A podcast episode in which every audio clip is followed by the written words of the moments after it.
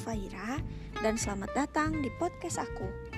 Nah, sekarang aku mau bahas nih soal media audio yaitu radio dan podcast.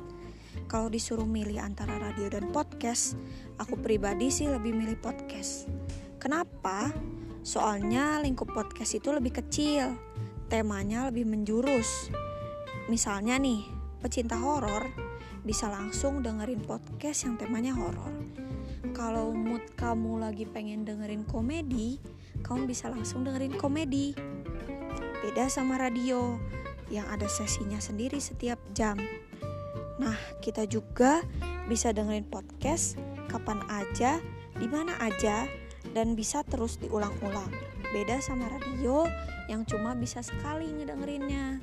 Nah, gimana sih caranya biar bisa ngembangin podcast itu sendiri? Kalau menurut aku, pilih tema yang benar-benar kesukaan atau bidang kamu sendiri. Kayak jadi nanti tuh uh, pendengar bakal bisa langsung relate sama apa yang kamu obrolin. Nah, kamu juga bisa kembangin ide-ide baru yang siapa tahu jadi inovasi buat dunia podcast ke depannya.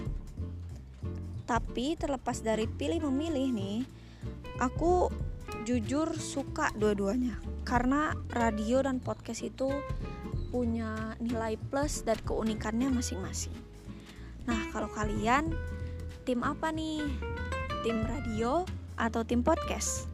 Sekian dulu ya teman-teman. Makasih yang udah mau dengerin podcast aku. See you.